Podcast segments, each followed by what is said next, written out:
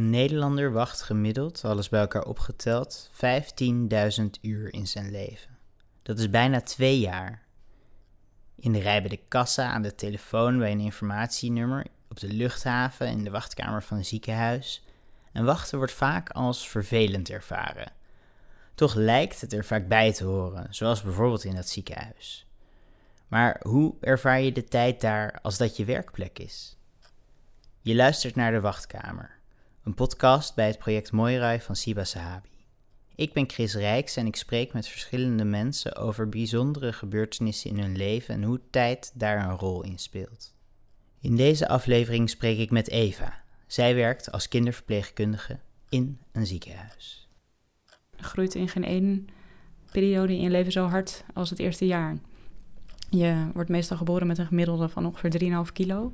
Als je één jaar bent, ben je ongeveer 10 kilo. Dus je verdrievoudigt. En van klein hummeltje uh, ben je dan ook een kind die al echt ja, uh, kan eten en kan bewegen en kan communiceren. Dus er gebeurt heel veel het eerste jaar. Ja, en dat is heel leuk. Zijn er veel kinderen die er langere tijd zijn voor jou? Er ligt nu een meisje al sinds geboorte en die is inmiddels een half jaar. Um, en dat is geen uitzondering. Maar het is wel een van degenen die er langs ligt. Dat wel. Ja. Volgens mij is de max een jaar, geloof ik, dat een keer een kind bij ons heeft gelegen. Niet veel langer. En hoe is dat dan, dat er een, een jaar of een half jaar nu eigenlijk een kind bij je woont op je werk? Ja, uh, voor haar niet leuk natuurlijk, maar ik vind het wel heel leuk om haar te zien ontwikkelen. Ze kan nu echt gericht naar je lachen en dat uh, kon ze in het begin natuurlijk nog niet. En uh, ja, maar ja, je weet wel, het is niet goed natuurlijk. Ik bedoel, uh, als zij straks naar huis gaat, dan zal ze weer heel erg moeten wennen, want dat is zij helemaal niet gewend. Daar is zij nog nooit geweest. Wat ik moeilijk vind aan de gezondheidszorg in het algemeen is eigenlijk dat we tegenwoordig zoveel kunnen. Kijk, vroeger ging iemand gewoon dood aan een blinde darmontsteking, want dat kon je niet verhelpen. Dat dat inmiddels wel kan, vind ik iets heel moois. Uh, want ja, dan kan je daarna gewoon prima verder leven. Uh, maar er zijn ook heel veel kinderen die een bepaalde aandoening hebben, ehm, die nu allemaal in leven blijven, die dat vroeger, ja, eh, die vroeger daaraan zouden zijn overleden. Ehm, en in sommige gevallen vind ik dat niet altijd een winst, eh, omdat het leven zo beperkt is door die aandoening, dat ik soms wel eens denk, waar zijn we eigenlijk mee bezig? En is dit nou echt voor dat kind en die ouders ja, iets wat je moet willen? Soms heb je bijvoorbeeld um, kindjes en daarbij wordt dan behandeling afgeraden, maar dan willen ouders het toch heel graag. Ja, en die zijn dan soms zo zielblij met, zielsblij met hun kind. Um, en zorgen dus ook heel goed voor dat kind. Dat ik dan er wel vrede mee kan hebben. Um, maar ja, soms willen ouders het eigenlijk ook niet. En dan, ja, dan, dan zit je er maar mee, om het maar zo te zeggen. Dan wil, wordt eigenlijk niemand er blij van. Maar ja, je kan ook moeilijk zeggen, nou ja, dan, uh, dan stop je er maar mee. Je, je kan niet zomaar, uh, zomaar stoppen. Dat lijkt me echt heel erg moeilijk. Ja, dat is ook heel moeilijk. Ja, nou ja, het, het zal je kind maar zijn, dat, dat denk ik dan. Ik heb zelf ook twee kinderen en uh, ik zie echt wel gevallen, ook nu op mijn afdeling, dat ik denk, dat zou ik mijn kind niet toewensen. En als ouders dat dan zeggen dat ze dat eigenlijk ook niet willen. Maar ja, als dokter kan je ook niet zomaar zeggen van... Uh, oké, okay, nou dan stoppen we er toch mee. Uh, ja, dat is heel lastig. Een meisje die ik nu ook wel veel verzorg... ja, daar is dit eigenlijk precies op van toepassing. Ouders houden, houden zielsveel van haar. Maar het meisje heeft zo'n ernstige hersenafwijking... Uh, dat de vraag is hoe haar leven zal zijn... maar waarschijnlijk wel ernstig beperkt. En um, ja, zij, zij, twijfelen heel erg wat ze, wat ze willen. Zij willen vooral kwaliteit van leven voor haar. En dat willen de artsen ook. Um, maar ja, het is heel moeilijk wat je daar nu mee moet. Iedereen staat eigenlijk een beetje met zijn rug tegen de muur. Dus dan ga je second opinion aanvragen. Um, heel veel gesprekken hebben met elkaar van wat, wat willen we voor haar. En iedereen goed geïnformeerd houden. Maar ja, het blijft heel lastig. En het klinkt ook als een situatie waar niet, niet een oplossing voor is. Nee. Dat alles oplost. Nee. Nee, er is geen goede oplossing voor.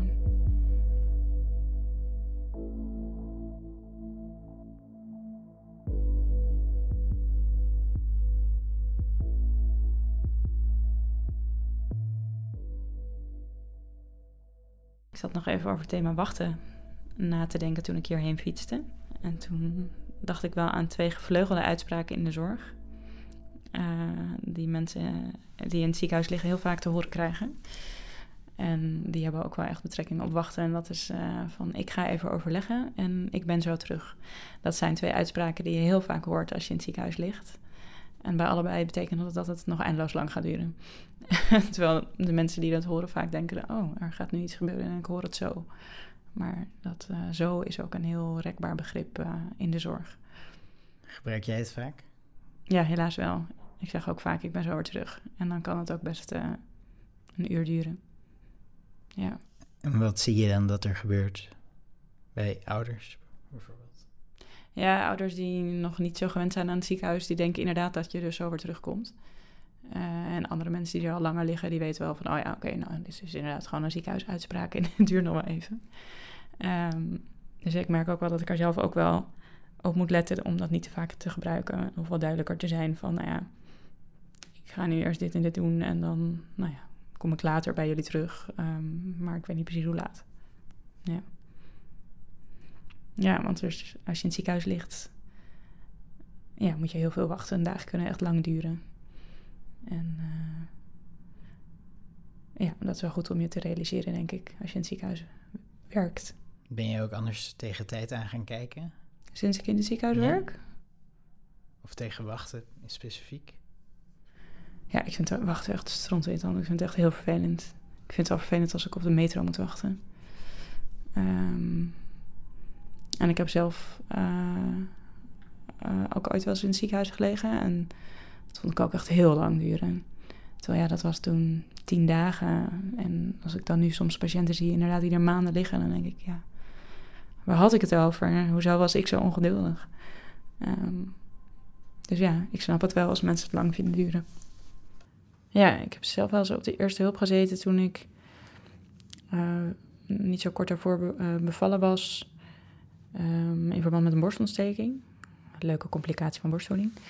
En uh, toen zat ik er met mijn baby en die moest ik toen ook borstvoeding geven. Nou, dat was ook niet een heel ideale ruimte daarvoor, inderdaad. Um, dus ja, je zit inderdaad en dan zit er zo iemand tegenover je met, met een oog dat je denkt, wat heb jij? En iedereen zit elkaar een beetje aan te kijken, goh, wat zou die hebben? Want ja, je zit maar te wachten en dan ga je toch een beetje bedenken, goh, nou, wat zou die daar nou doen, hè? Ja, zo zit je ook allemaal een beetje aan te kijken.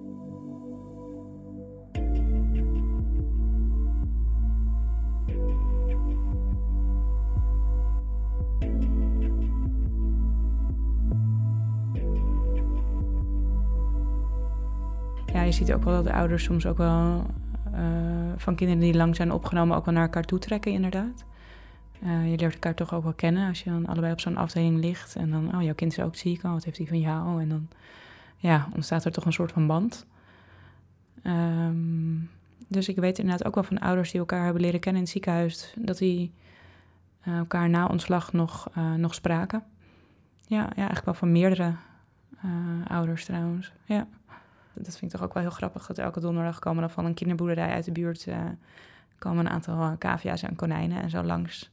Vind ik erg leuk. En hoe belangrijk denk je dat die, al die andere dingen zijn naast het, uh, het medische? Heel belangrijk, want anders heb je wel een genezen patiënt, maar wel zwaar depressief. Um, dus ja, je moet het wel een beetje leuk houden. Het is niet voor niks een kinderziekenhuis. Dat vind ik ook wel leuk als je dat merkt, het verschil tussen de volwassen afdeling en uh, kinderafdeling. Alhoewel ik het wel treurig vind hoor, voor die volwassenen dat het daar zo saai is. Maar ik vind toch wel belangrijk dat het voor de kinderen wel, wel leuk is. Je mag ook wel zien dat het een kinderafdeling is. Een beetje leuk versierd. Ja. Ik heb wel een keer gehad dat zo'n uh, zo'n konijn toen de infuuslijn van mijn patiënt doorknaagde. Dat was iets minder leuk. Dus toen lag er opeens wat bloed uh, naast het konijn. Maar goed, dat hebben we snel uh, kunnen redden. En, ja, sindsdien houdt die beesten wel een beetje beter in de gaten. maar uh, nou ja, ik vind dat wel heel leuk. Dat soort dingen, de extra dingen. Ja. En is er ook iets voor, voor ouders om zich te vermaken? Uh, jawel, er is op uh, elke afdeling een, een soort um, ouderruimte waar, waar je kan zitten. daar is ook meestal dan een beetje een keukentje bij met koffie en thee en zo. Ehm, en een tv.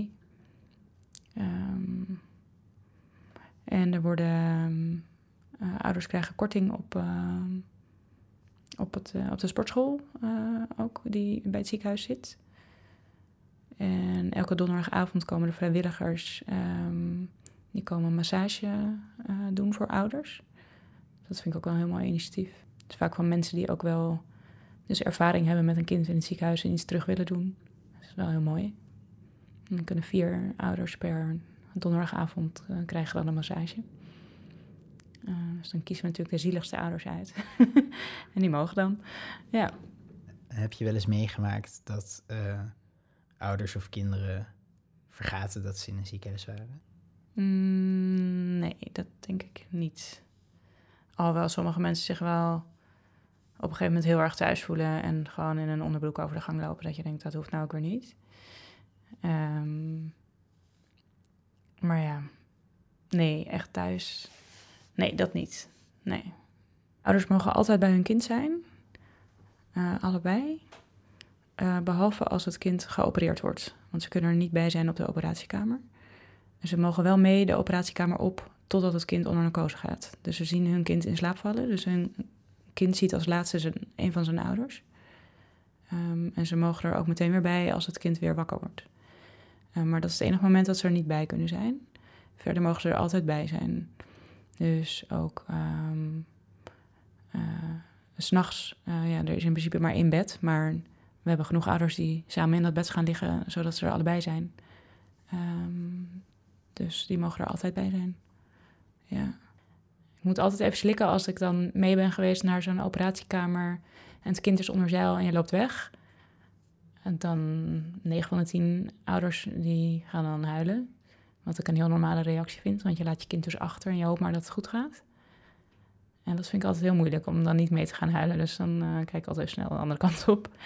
En dan eh, zeg ik ook altijd heel veel sterkte met wachten, want dat is een heel moeilijk, eh, moeilijke periode. En ja, je weet niet wat er ondertussen gebeurt met je kind. En je wacht maar op dat telefoontje van, eh, je mag er weer bij. En soms duurt dat langer en dan denken mensen, oh, gaat het wel goed? En ja, dat weet ik als verpleegkundige dan ook niet, want ik kan niet, eh, eh, dat kan ik ook nergens zien.